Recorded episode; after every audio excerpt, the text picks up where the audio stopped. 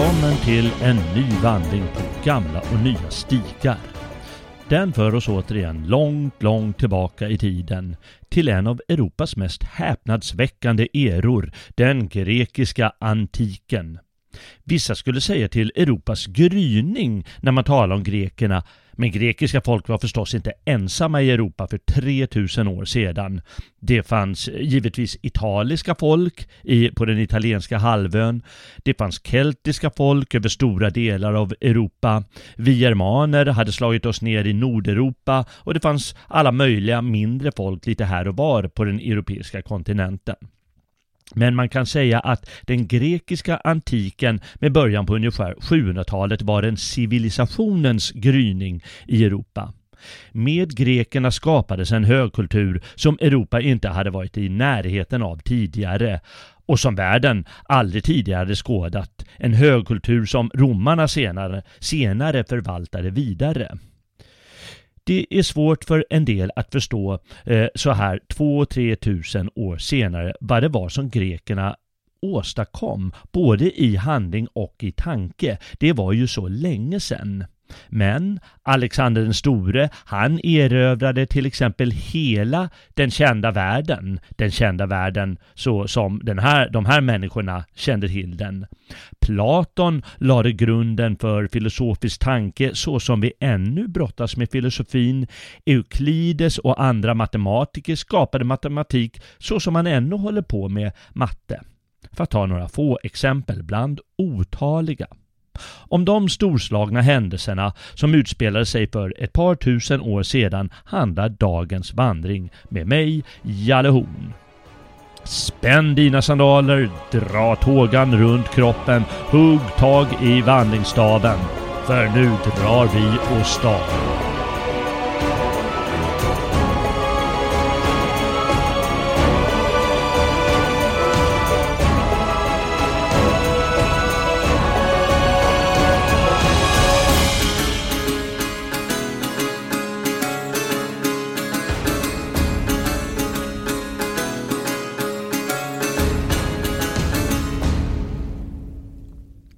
Först vill jag nämna en sak så att inte lite tråkigt obehag uppstår för vissa lyssnare om sisådär en kvart.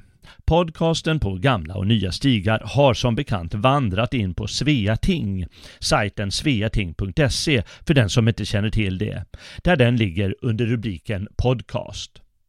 Några avsnitt på gamla och nya stigar kommer att vara fria att lyssna på men de flesta kommer att finnas tillgängliga enbart för prenumeranter.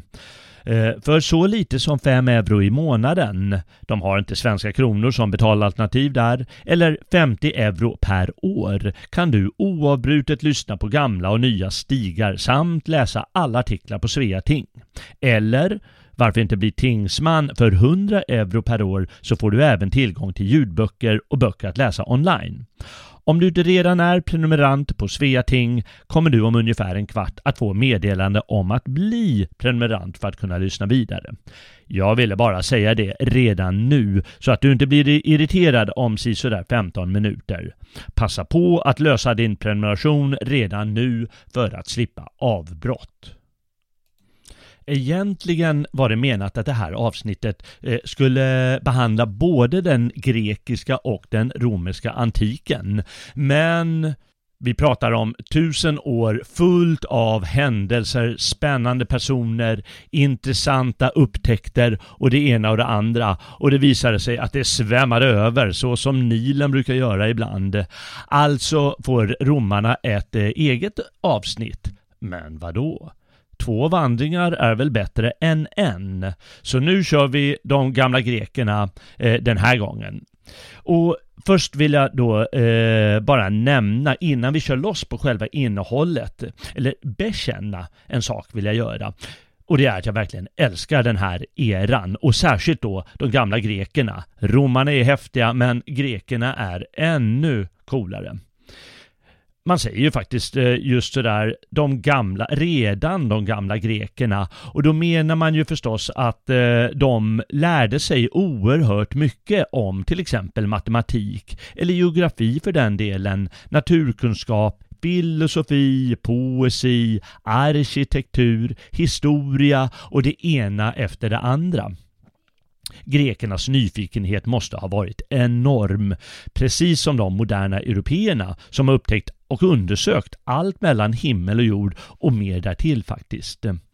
Eh, I Berlin, där har de flera museer med antika teman och främst av dem alla är förstås Pergamonmuseet med det berömda Pergamonaltaret. Det där museet eh, har blivit lite av ett sorgebarn för de har hållit på och restaurera det i, i många, många år nu. De verkar ta, ha tagit sig vatten över huvudet en gång. Men någon gång står det väl färdigt.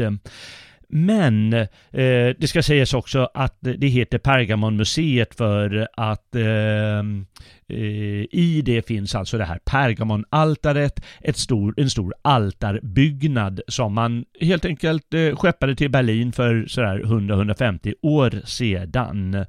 Eh, och den står där, man kan faktiskt gå in även om de håller på och restaurerar byggnaden än.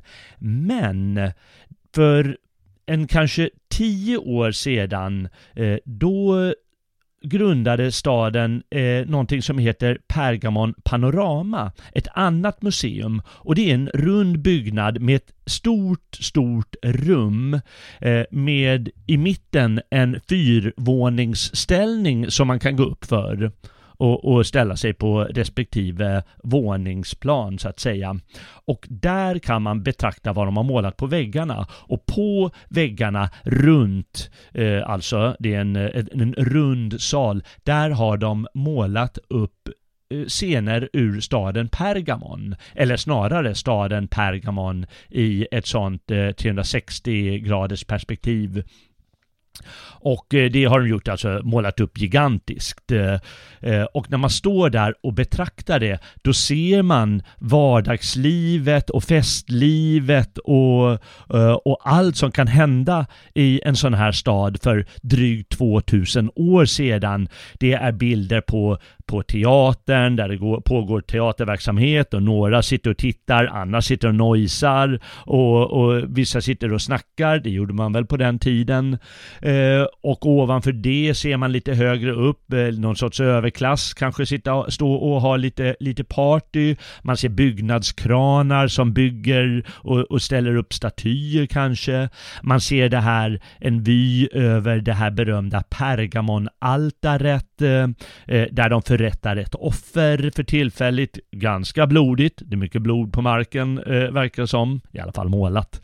Och man ser längre bort, lite längre bort mot horisonten horisonten nästan ser man en stadion där de håller på med kanske hästkapplöpning och så ser man bergen längre, längre bort mot horisonten och lite lummighet och givetvis olika bostadshus och då får man en otroligt inblick i eh, hur, hur livet pågick i den här staden vad, vad målaren tror i alla fall. Och han har väl bedrivit sina studier. Eh, och man det är väldigt, väldigt fascinerande. Man, man, kan jämföra med om någon från månen kom och tittade på vad som hände på, på Hötorget i Stockholm med, med myllret av människor som gör det ena och det andra och det tredje. Eller kanske en annan, eh, lite större del av staden. Eh, och på det sättet tycker jag att, man, man, att jag i alla fall fascineras av alla de här sakerna som man, man har läst om eller hört om eller sett om på någon eh, film eller tv om, om allt som hände på den tiden. Och det här lilla museet, då får man en, en blick inblick, en liksom väldigt levandegjord inblick i lite allt möjligt och det är en verkligen fröjd att gå omkring och förkovra sig. Man kan gå i timmar, ja dagar och, och bara titta på alla detaljer som man ser och, och tänka, ja just det, ja men det, det, det där var ju häftigt att, att, att se på, på den där dokumentären eller så. Och, och det avslöjar återigen lite uh, av den kärlek som jag verkligen känner för eh, allt som, som hände under den här tiden och alla upptäckter som gjorde eller all den här här teater som skapades och, och vad man nu tycker är ballt. Jag är i alla fall helt såld i eh, det där museet och jag är helt såld i den grekiska antiken. Och nu ska jag passa på att svära lite i kyrkan. Det gillar jag att göra. Och för faktum är att jag, jag, tycker faktiskt mer om den här grekiska antiken än fornnordisk tid.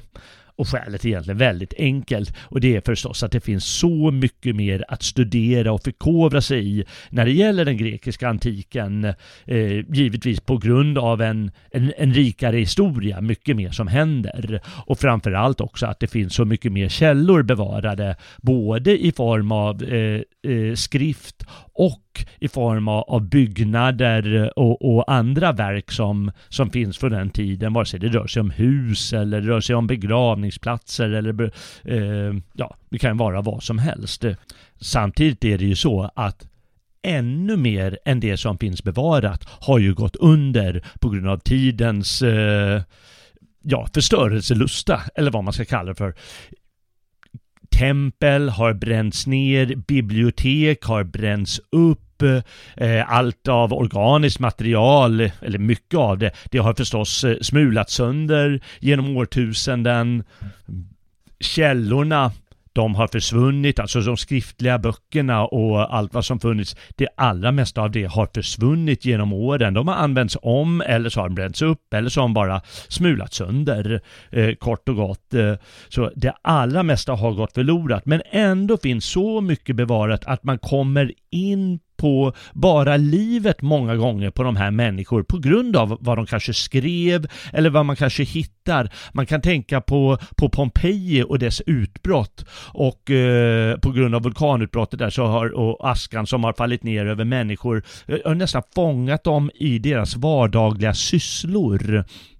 Så att man får en direkt inblick i vad som hände. Och det är förstås saker man eh, inte har möjlighet när det gäller eh, om man studerar fornnordisk tid där där långt eh, färre saker givetvis hände, men också där det i stort sett, eller nästan inte finns någonting bevarat. Eh, och eh, ja, det gör ju förstås att det blir mycket mer att man, man, kan fördjupa sig på ett helt annat sätt när det gäller den grekiska antiken. Och eh, den här antiken innehåller också mycket mer än många tänker på idag. Man kan tänka på den romerska rätten, nu ska vi inte beröra romarna i det här programmet, men ändå den romerska rätten eh, och delar av den används, finns fortfarande som grunder för vår eh, rättsutövning. Man kan tänka på de styrelsesätt för stater som fanns då, både hur man hur man beskrev dem och, och, tänkte hur de borde fungera och hur det faktiskt praktiserades. Allt det har vi insikt i och i viss mån har vi försökt kopiera det vad gäller vår demokrati eller åtminstone inspireras av det. Och eh, det är en annan sak som, som är vardag idag om man tar för givet men som fanns då. Eh, eller bara en sån sak som att Nya Testamentet, den kristna delen av Bibeln, är skriven på grekiska.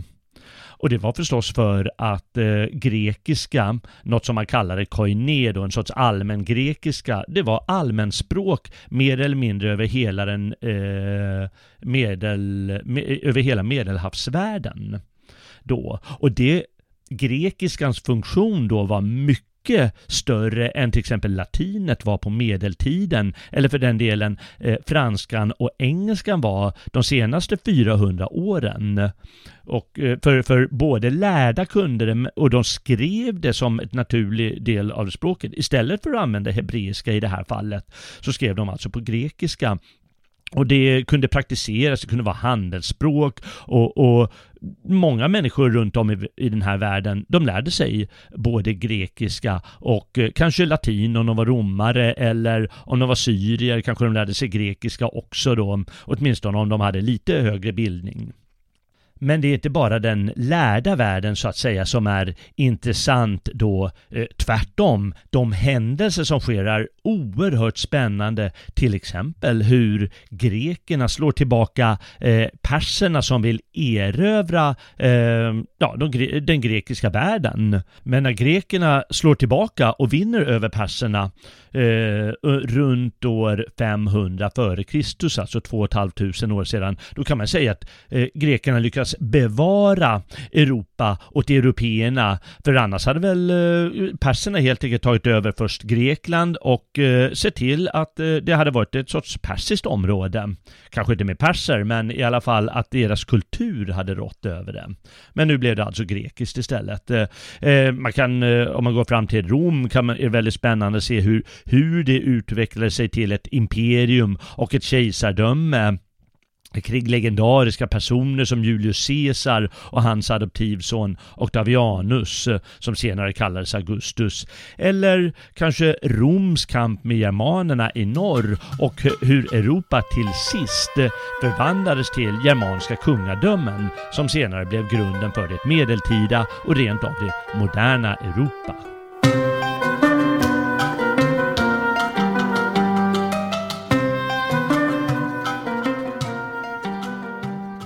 Har lyssnat på en del av ett avsnitt av På gamla och nya stigar som ges ut på sajten sveating.se. Vill du höra hela avsnittet? Teckna då en prenumeration genom att gå in på www.sveating.se och klicka på prenumerera. Där skriver du in din e-postadress varmed ett meddelande kommer till din e-mail.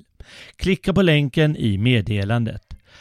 Nu när du har länkats fram kan du välja vilken prenumeration du vill ha. För att kunna lyssna på, på podden på gamla och nya stigar samt läsa alla artiklar kostar det 5 euro i månaden eller 50 euro per år. Då väljer du det alternativet. Vill du därtill ha tillgång till de ljudböcker och digitala böcker vi lägger upp måste du välja att bli tingsman för 100 euro om året. Därmed får du tillgång till allt på Sveating. Vi hoppas att få se dig på Sveating och förstås på stigarna framöver.